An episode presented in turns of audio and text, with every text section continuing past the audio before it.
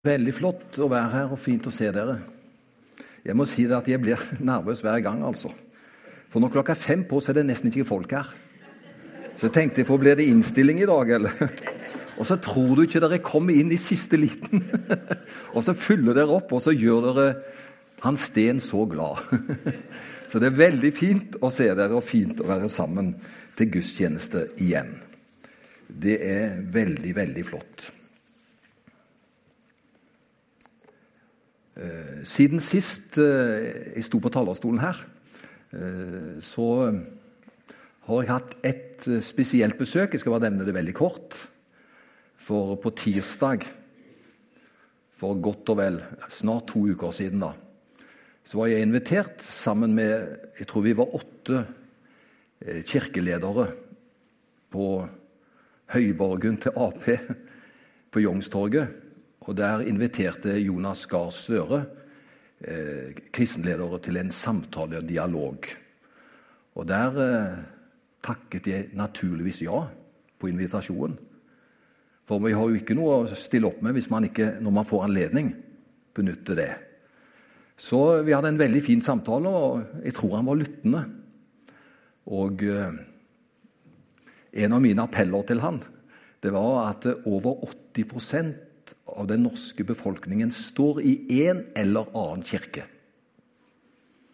Eh, nå er jo det blitt dramatisk endra også. For når jeg var guttunge, så var over det var nesten 90% medlemmer det de kalte da for statskirken.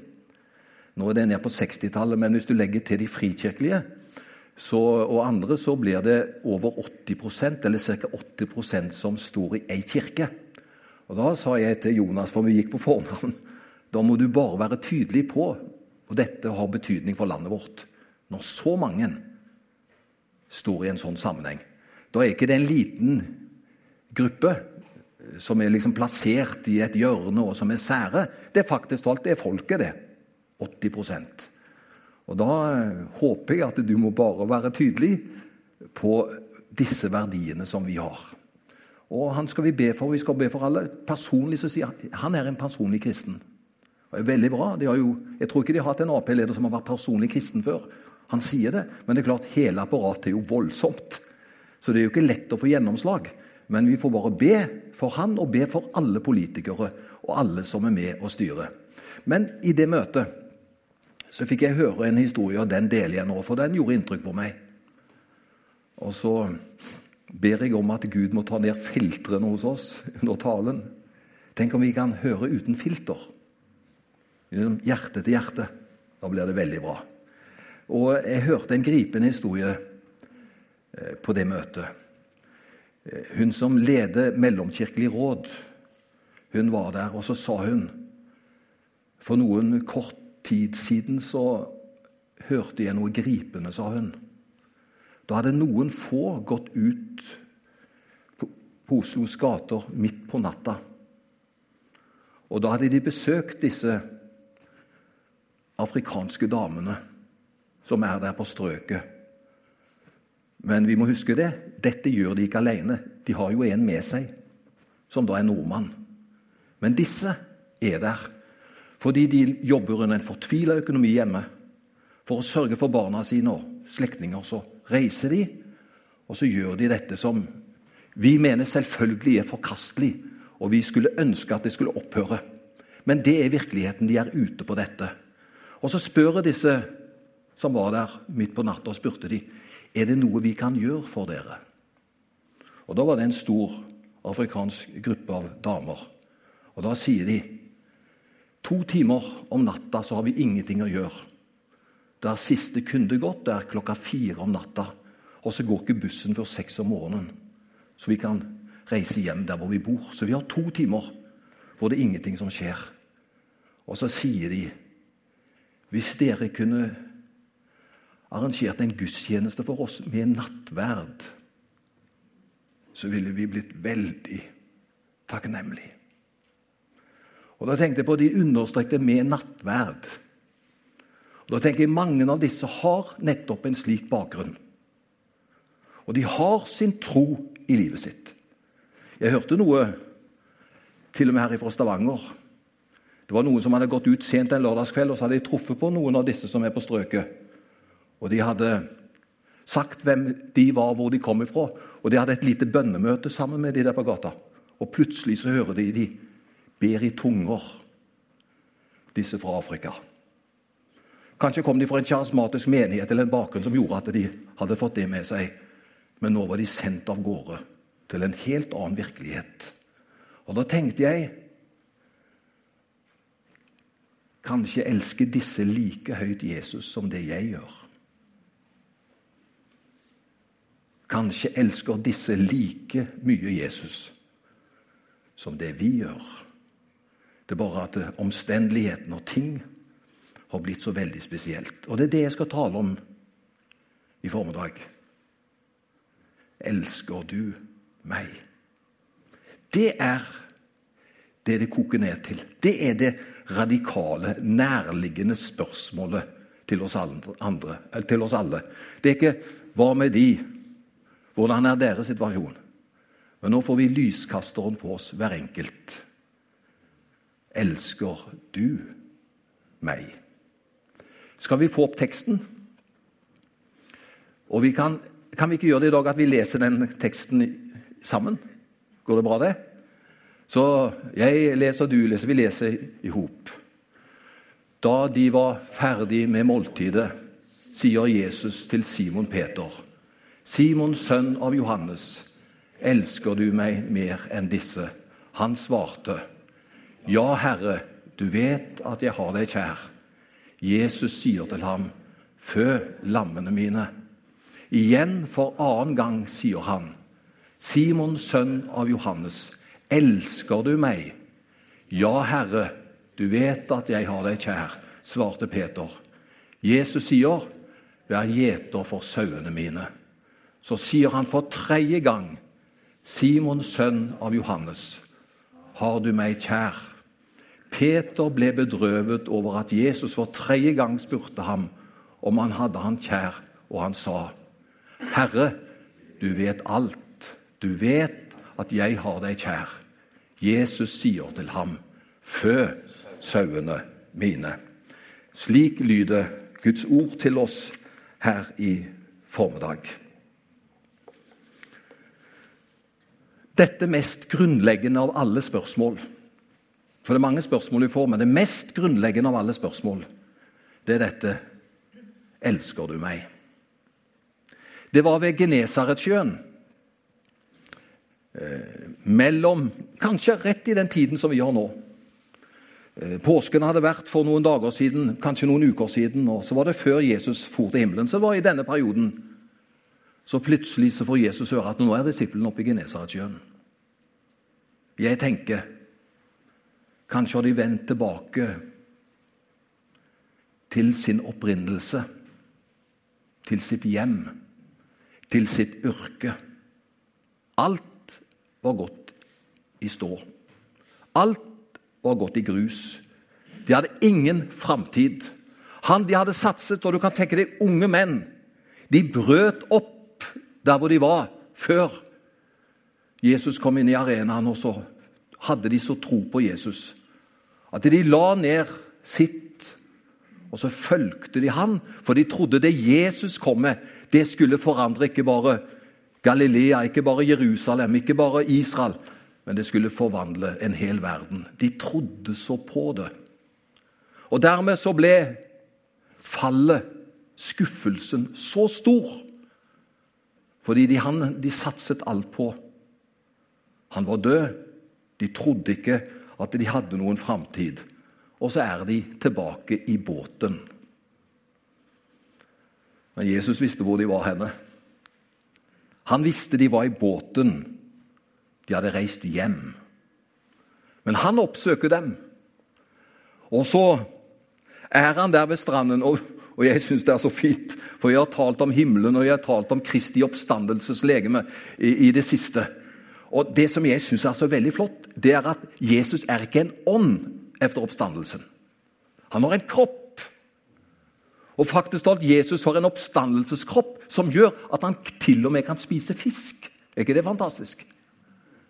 Altså, Det er ingen grenser For han er en så konkret person og personlighet at han har med seg både fisk og brød.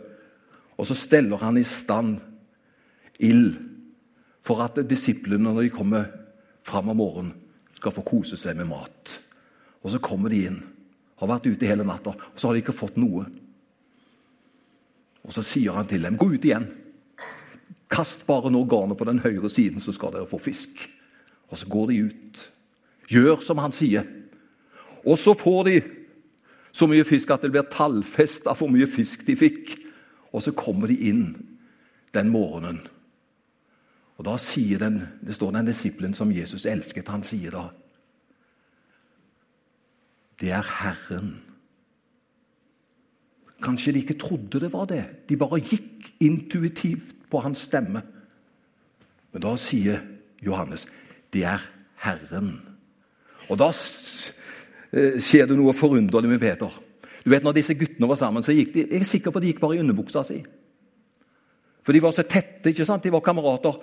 Men når Peter får høre at det der Jesus, da står det, da tar han på seg yttertøyet. Han vil ikke møte Jesus i underbuksa. Da tar han på seg yttertøyene har respekt. Og så kommer han inn til land sammen med disiplene. Og så spiser de, og så opplever de et deilig nærvær. Og så, etter at de er ferdige med maten, så tar Jesus Peter til side, og så spør han han, Du, Peter, elsker du meg?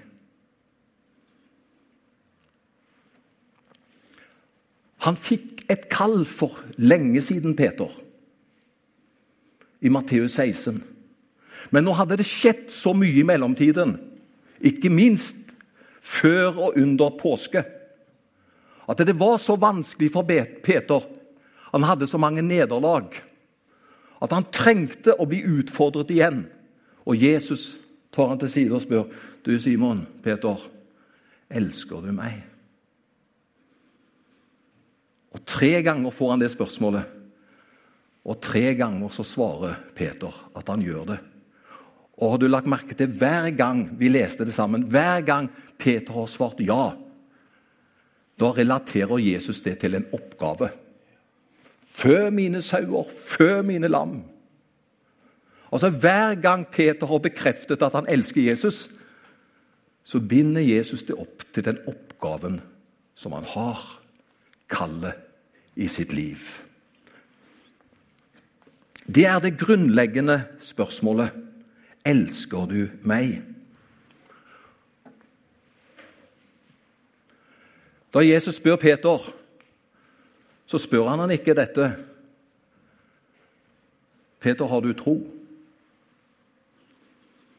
Han spør heller ikke Peter, har du åndelige gaver?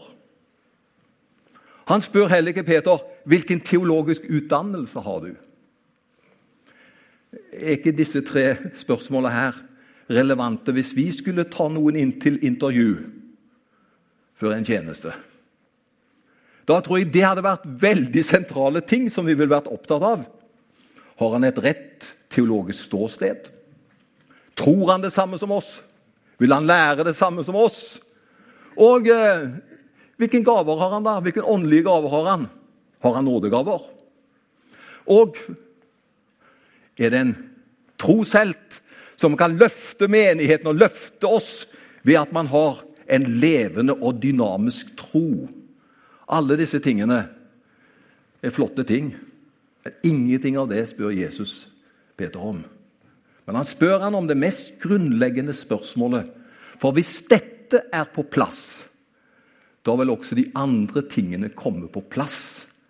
Og det spørsmålet som han får. Peter, elsker du meg? Det hviler hele tjenesten på. Jeg er ubrukelig samme hvilken gaver jeg har, samme hvilken utrustning jeg har. Jeg er ubrukelig i Guds tjeneste hvis ikke det bygger på en kjærlighetsrelasjon til Jesus. Og hvis ikke han er min frelser, min nære og beste venn. Det er det forholdet som er helt avgjørende, så kommer de andre tingene på plass etter hvert. Jeg tenkte på disse damene som jeg innleda preken med, som går ut på strøket, som jeg sa. Kanskje elsker de Jesus like høyt som det vi gjør. Det er en spennende tekst i Lukas evangelium kapittel 7, hvor Jesus er invitert til fariseeren Simons hus. Og Simon han gjør som skikk og bruk. Han lager et veldig festmåltid hvor Jesus er til stede, og sikkert disiplene til Jesus også. Og venner av fariseeren Simon. De lager fest der. Og plutselig, i festen, så kommer det inn et menneske som aldri skulle vært der. Hun ble kalt for synderinnen i fariseeren Simons hus. Og Når hun kommer inn i rommet, så blir alt annet uinteressant. Det eneste som opptar henne, det er den atmosfæren. Det, det, er den kjærligheten, det er det som stråler ut av Jesus Kristus. Og hun går nærmere Jesus enn det som var skikk og bruk. Hun kommer så nære Jesus at hun hveter hans føtter med sine tårer. Den mest kostbare, de dyre kremene hadde hun med seg. Og hun tar og bruker det på Jesus. Og Da er det jo noen som tenker var det ikke bedre bruk av kremen enn i denne sammenhengen? Og så sier fariseeren Simon noe. Hadde han vært en profet, så hadde han visst hvem denne kvinnen var. Vet du hva jeg har lyst til å si? Halleluja at ikke Jesus sto fram som en profet denne dagen. Han sto fram som frelseren, som elsker alle mennesker, uansett liv.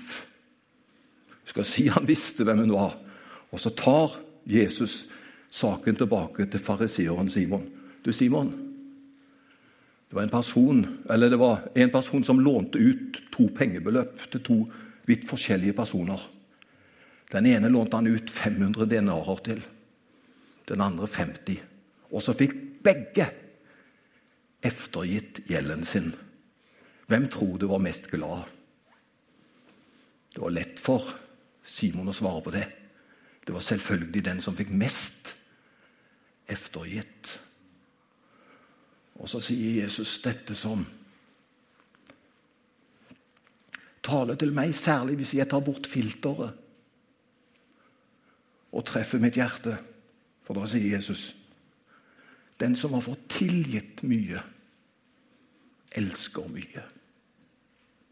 Men den som har fått tilgitt lite, ja, da ser du det på den måten som han er i forhold til andre mennesker. Og så sier Jesus denne kvinnen, hun går frelst herifra i dag. For hun har tatt imot dette. Den som har fått tilgitt mye, elsker mye. Vet du hva? Jeg, jeg syns det er litt for mange profeter iblant oss. Unnskyld. Jeg syns det er for mange som setter ting på plass iblant oss. Særlig hvis du går på sosiale medier.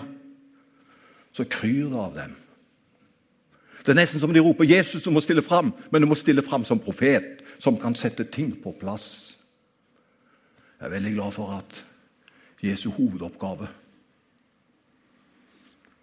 det er å vise seg som frelseren, som tilgir all synd, og som kunne si til den og den og den Dine synder er deg tilgitt, gå bort og synd ikke mer.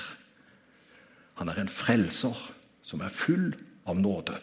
Og vår omtanke, vår behandling av våre medmennesker, forteller egentlig hvilken relasjon vi har til Jesus, og hvor mye vi elsker han. Skal vi ta dette med oss? Og så har jeg ett poeng til. For eh, jeg har sagt at eh, de tre gangene Du må bare ta neste bilde her. Ikke fokuser på andres liv. Ikke bland deg. Det bildet skal jeg si litt om nå. For etter at Peter Tre ganger har fått spørsmålet 'Elsker du meg?' Og Tre ganger så bekrefter han det. Og tre ganger så får han en oppgave. eller den blir repetert, den oppgave han skal ha. Og så er det en leder da som Jesus har snakket til disse tre spørsmålene, ikke sant? for han ble en leder. Og plutselig la lederen ha fått ting på plass i sitt liv. For nå var ting på plass i Peters liv. Når det er på plass, så ser Peter bak seg. Det står det videre i den teksten som vi ikke leste, men som står videre. så det, du skjønner hvor den, Så ser Peter bak seg, og så får han plutselig øye på Johannes.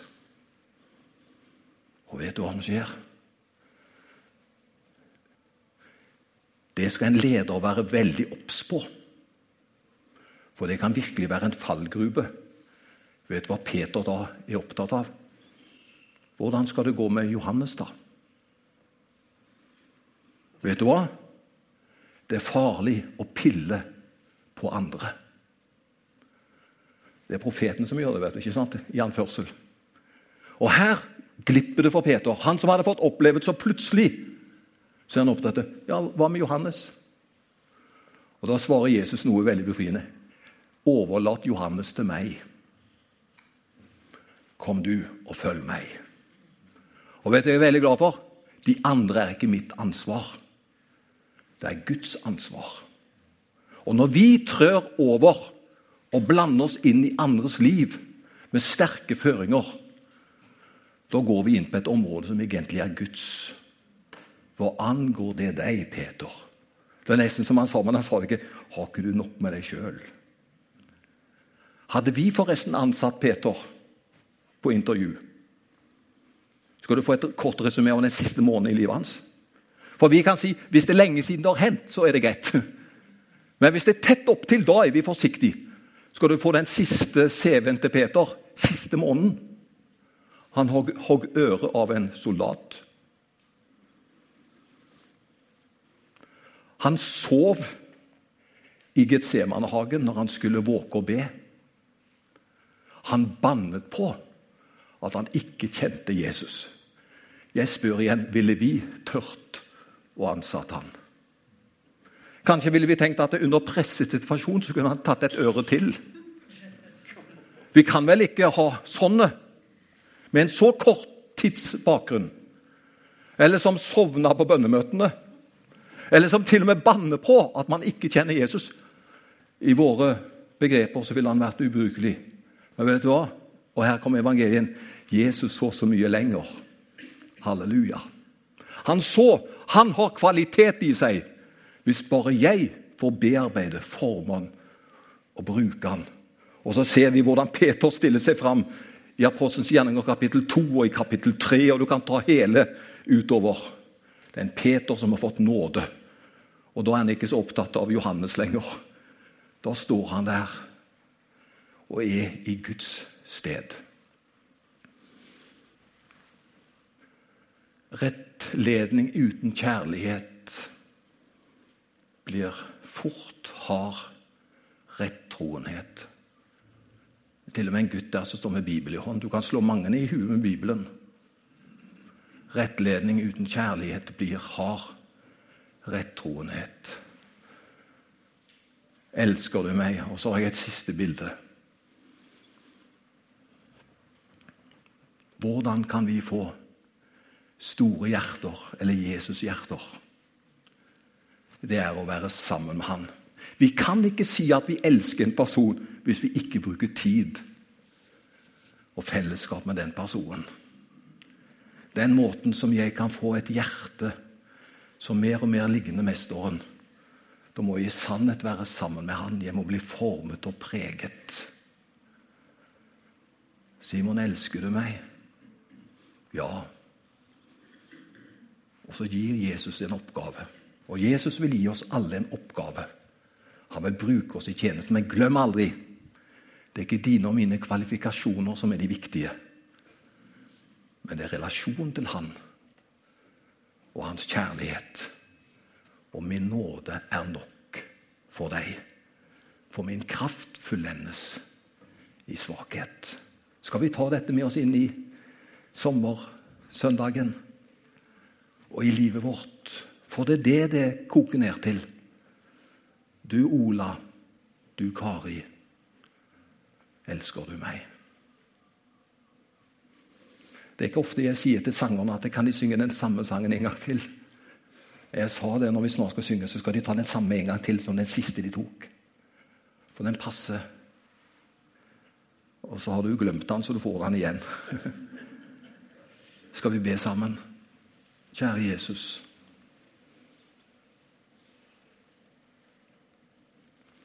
Hjelp oss at vi ikke blir kalde, harde, dømmende.